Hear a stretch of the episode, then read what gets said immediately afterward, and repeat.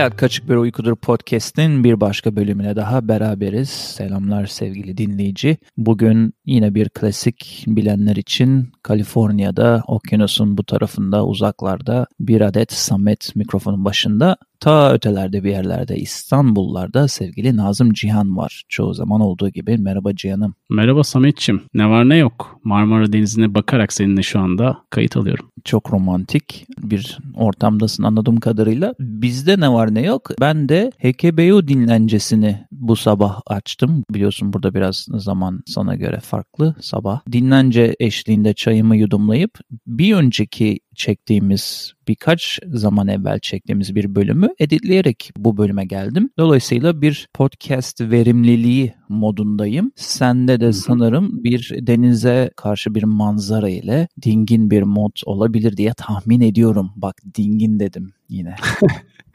Amazon'dan aldığın çayını yudumluyorsun diye düşünüyorum. O daha gelmedi ya. Bilmeyenler için Cihan'ın mesajı burada şeye yani Türk çayını buldun yine Amazon'dan değil mi şeklinde. Bugün maalesef çok favorim olmayan sallama çay oh. şeklinde takılıyorum. Ama yine siyah çay. Neyse soda olaylarından çay olaylarına geçtik. Diğer bölümlerde sodaları konuşuyorduk sıcak hava Hı-hı. zamanlarında. Şimdi çaya döndük gibi. Partilemeye erken başlamışsın. Bölüme hazırlanırken sen de bir yandan partiliyorsun anladığım kadarıyla. Evet bizim partileme anlayışımız bugün konuşacağımız parti anlayışından çok daha farklı ve Hı-hı. ayakları yere basan bir parti.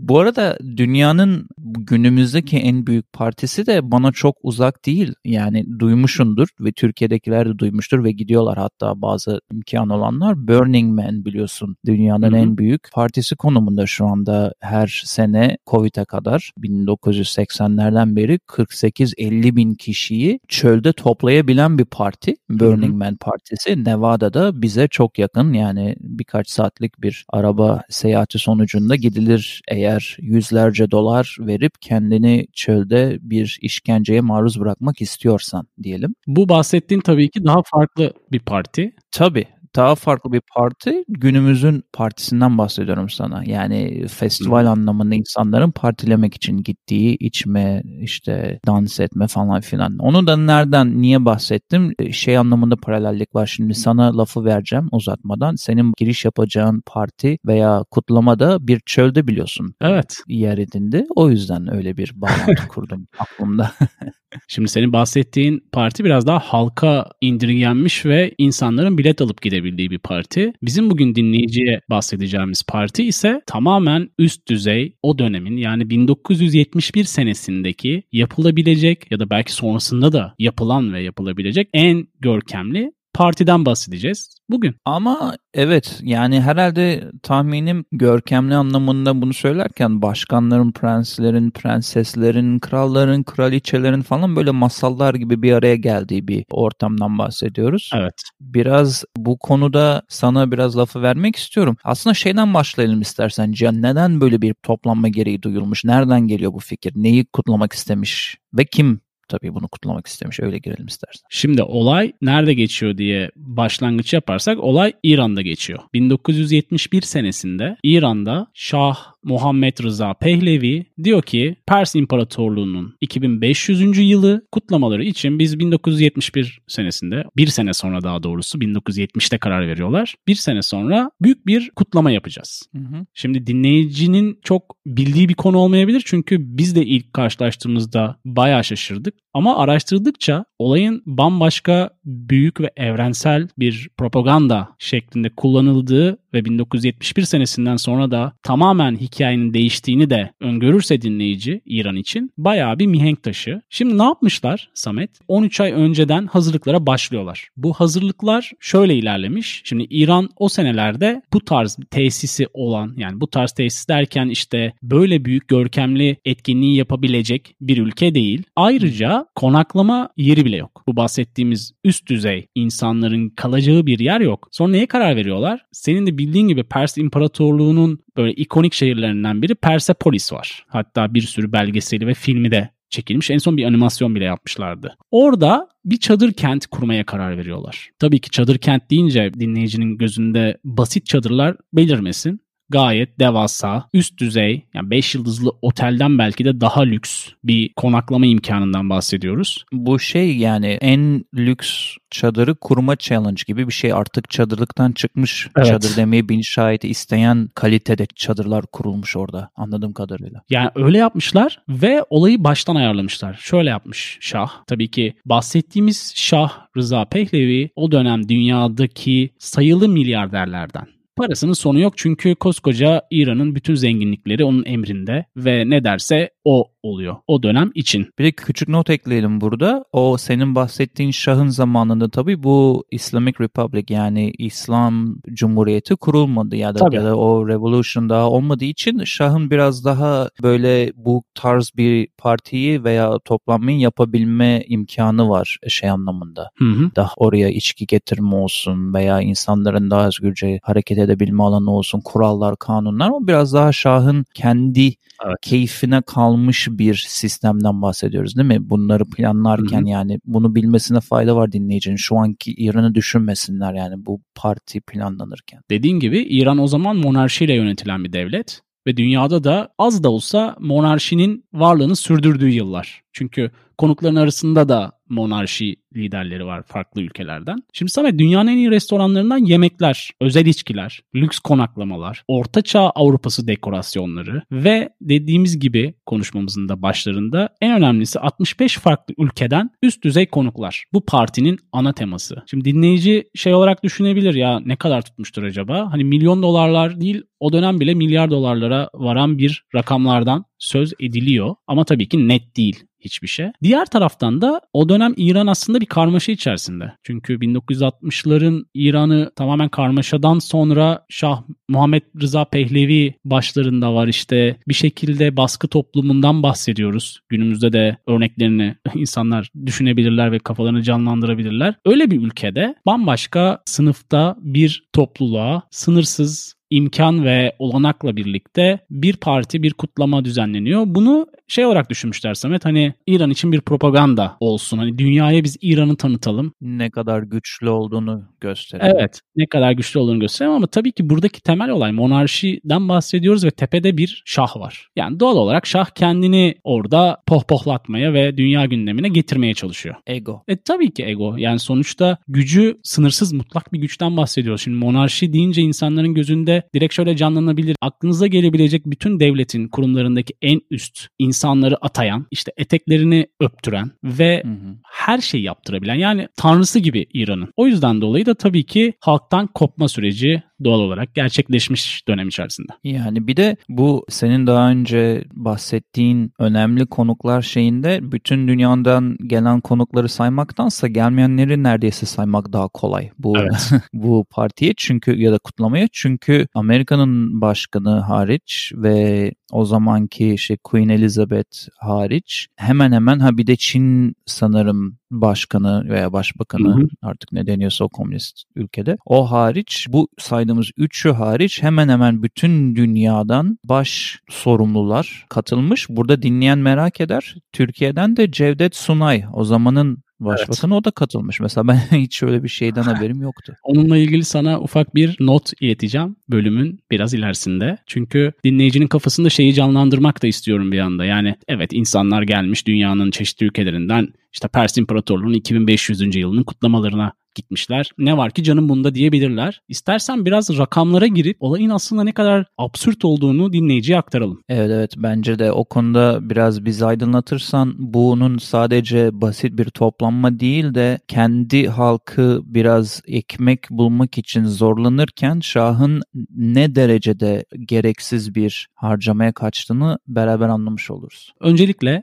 çölde yapılan bir organizasyon olduğundan bahsettik. Şimdi çöl diyoruz. Çölü ormana çevirmeye karar veriyorlar. Çünkü orada herhangi bir şey yok. Ve bahsettiğimiz yerde Persepolis antik şehrinin arka tarafı. Yani dibinde lokasyon orası. Aynen. 15 bin tane ithal ağaç ekmişler bölgeye. Takdir edersin ki yani saçma sapan bir şey. Çöle insan ağaç ekmek istemez, ağaç dikmek istemez çünkü su problemi var. Hashtag saçma. Evet. Diğer nokta 4 hektar toprak getiriyorlar bölgeye. Kokulu çiçeklerden bahçeler yapmak için ki yani bu bahsettiğimiz işlerin hepsini üst düzey o dönem dünyada tanınan insanlar yapıyor. İşte mimarlar, işte botanikçiler, aklına kim geliyorsa iç mimarlar onlar organize ediyor her şeyi. Çünkü Şah her zaman üst kalifiye insanlarla çalışmayı ve kendini garantiye almayı seven bir insanmış. Yani. Ondan sonra en belki olası şey nedir çölde? İşte ne bileyim yılan vardır, akrep vardır. Tam onu diyecektim.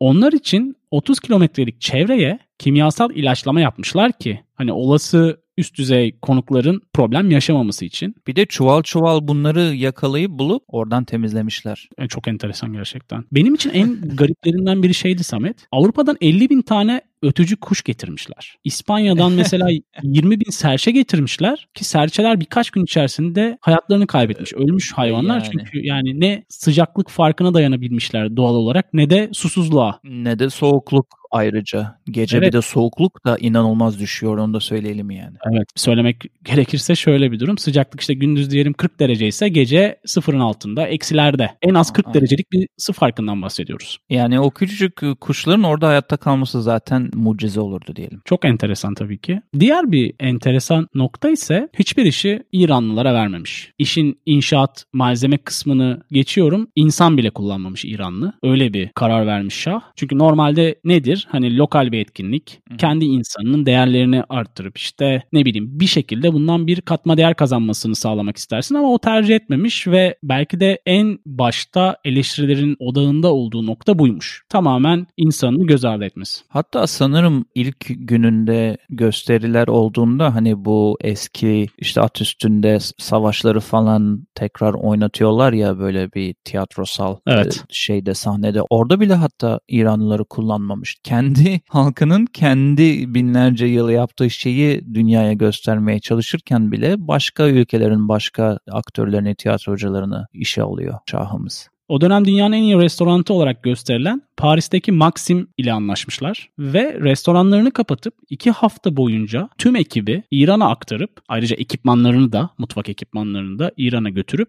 orada hizmet vermişler. Ya absürtler bitmiyor çünkü mutfak ekipmanları 30 ton falan devasa. İlave olarak da bu bahsettiğimiz bütün malzemeler işte ağırlıklı Fransa tarafından gelmiş. 6 ay boyunca İran Hava Kuvvetleri Şiraz ile Paris arasında mekik dokumuş nakliyeleri halledebilmek için. Şaka gibi.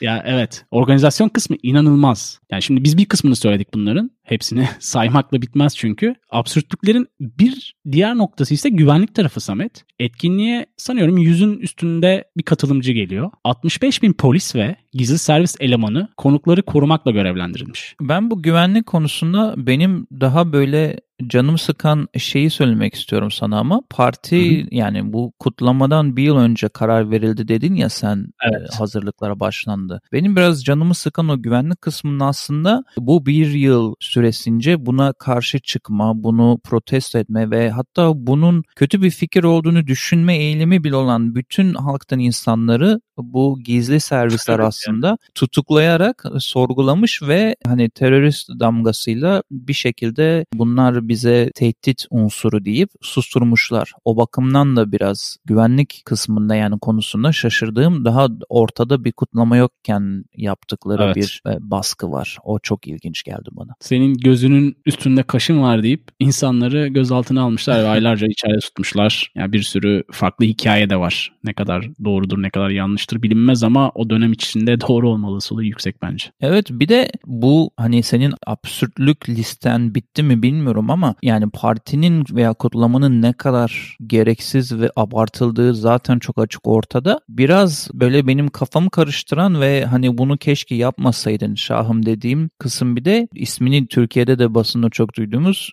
Hümeyni'nin o zaman tabii hatta Hümeyni bir Müslüman bir lider olarak görülüyor ama sürülmüş İran'dan. O mesela bunu Devil's Festival diye adlandırıyor bir söyleminde işte şeytanın festivali diyor. İşte harcamalara dikkat çekiyor, lükse dikkat çekiyor. Bir de sen yemeklerden falan bahsederken tabii ki dünyanın en pahalı şarapları da getirilip orada Evet. çok zor şartlar altında işte tutulmuş belli derecelerde falan. E orada alkol tüketimi olunca bunu da kullanıyor. Halka söylemlerde bulunurken uzaktan diyor ki işte orada alkoller oldu işte zinalar oldu bilmem ne falan. Şeytanın festivali bu diyor. İnsan düşünmeden edemiyor. E, bir ülkenin geleceğiyle oynanan bir milyonlar harcanan bir parti ve kutlama mıydı bu acaba diye. Ya öyle olmuş aslında Samet çünkü o partiden sonra Şah'ın halk üzerinde olan az sevilirliği neredeyse tamamen ortadan kalkmış. Çünkü inanılmaz bir israftan bahsediyoruz ve hani bitmek de bilmiyor şimdi. Son bir nokta daha söyleyeyim. 250 tane sadece havalimanı transferi yapsın diye limuzin almışlar. bir de bunlar tabii kurşun geçirmez limuzinler. Tamam çok önemli insanlar geliyor ama o kadar da değil yani. Ya hangi birini koruyacaksın zaten? Şimdi sana Cevdet Sunay ile ilgili anekdotu aktarayım. Biraz böyle. Evet ya meraklandırdın. Bizim tarafımıza da gelsin. Şimdi bizi 5. Türkiye Cumhurbaşkanı Cevdet Sunay orada temsil etmiş. Kutlamaların da arka koltuklarında yer ayrılmış kendisine. Ama garip bir şekilde bir gafla ortaya çıkmış Samet'ciğim. Nasıl yani? Sanıyorum 6-7 saat süren bir yemek verilmiş. O yemek evet. sırasında şah konuklarına değerli bir adet mücevher hediye etmek için herkesin önünden dolu bir sandık geçirtiyormuş. Hmm. Ama Cevdet Sunay bir tane alması gereken mücevherden iki tane almış. Birini kızına vermek için. Hmm. Türkiye'ye döndükten sonra İran'dan resmi yazı gelmiş ve bir tane mücevheri geri istemişler. Çok iyiymiş ya. E ne oluyor? Sonra ne oluyor geri isteyince? Aa, doğal olarak geri yollamışlardır diye düşünüyorum yani resmi yazı geldiği için. Bu arada bu Şah'ın gidişinden sonra Tent City dedikleri çadır şehirde 1979'a kadar özel ve e, hükümet toplanmaları için orada servis vermeye devam etmiş kiralık bir yer olarak. Sonra İran devriminden sonra tabii her şeyi e, sökmüşler. Çok biraz iskeleti kalmış ve halka açılmış gitmek isteyen buradan varsa sevgili dinleyici İran'a da bir gideyim şu Covid zamanı Persepolis'e diye. Yine orada iskeletini görebiliyorsun bazı çadır çadırların. Onları hatta resimlerini de koyarız HKBU podcast.com'a. Evet. evet öyle bir antik bir kentin arkasında ince çelikleri görmek isteyenler için birebir bir tesis olmuş. ders olmuş. Ders niteliğinde duruyor orada herhalde. Bir hatırlatma.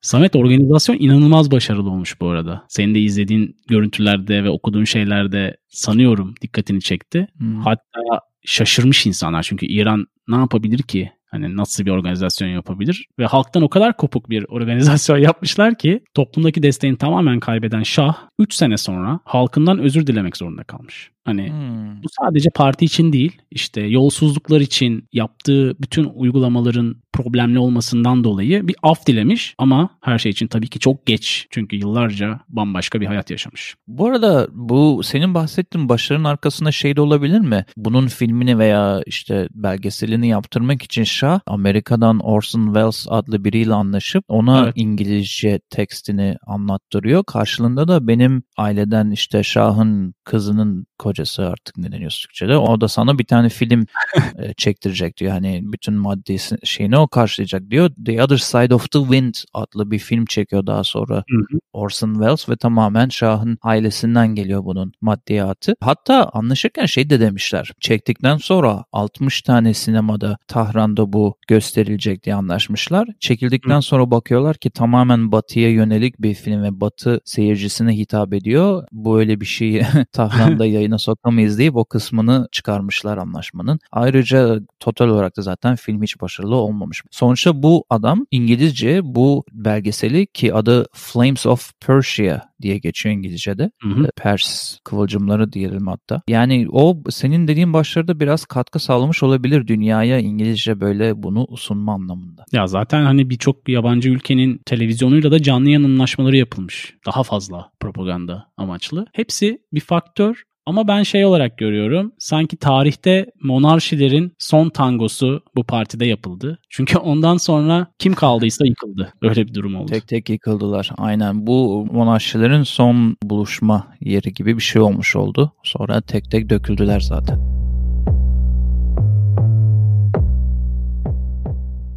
Ne öneriyoruz kısmıyla bir kez daha siz podcast dinleyicilerinin karşısındayız. Bu bölümde ne okuyoruz, ne dinliyoruz, ne izliyoruz ya da şu an hayatta nelerden keyif alıyoruz anlık olarak sizinle paylaştığımız ne öneriyoruz bölümünde Samet bizimle neler neler paylaşacak. Şimdi sen beni ziyarete geldiğinde biraz sohbet edip bu plak arşivi vardı. Çalıyordun falan işte. Aa, nasıl oluyor nasıl biliyor ben hiç kullanmamıştım daha önce. Daha sonrasında da benim eşim bana hediye olarak almıştı onu doğum günümde sanırım. Daha sonrasında da o bana şöyle bir kapı açtı Cihan. 70'lerin 80'lerin bu Amerika'da çok bilinen gruplarının plaklarını almaya başladı bana. Hem e, buradaki Allah. ailem hem eşim olsun. Onlar bana onlar almaya başlayınca tabii ben de bazı şarkılarla ve gruplarla tanışmaya başlamış oldum. 70'lerde özellikle Amerika'da daha böyle dinlenen ama Türkiye'de veya Avrupa'da çok fazla ses getirmeyen. Onlardan birini HKBU dinlencesi listemize eklemek istiyorum. Bende de Best of albümü olan. Grubun adı biraz zor ama Creedence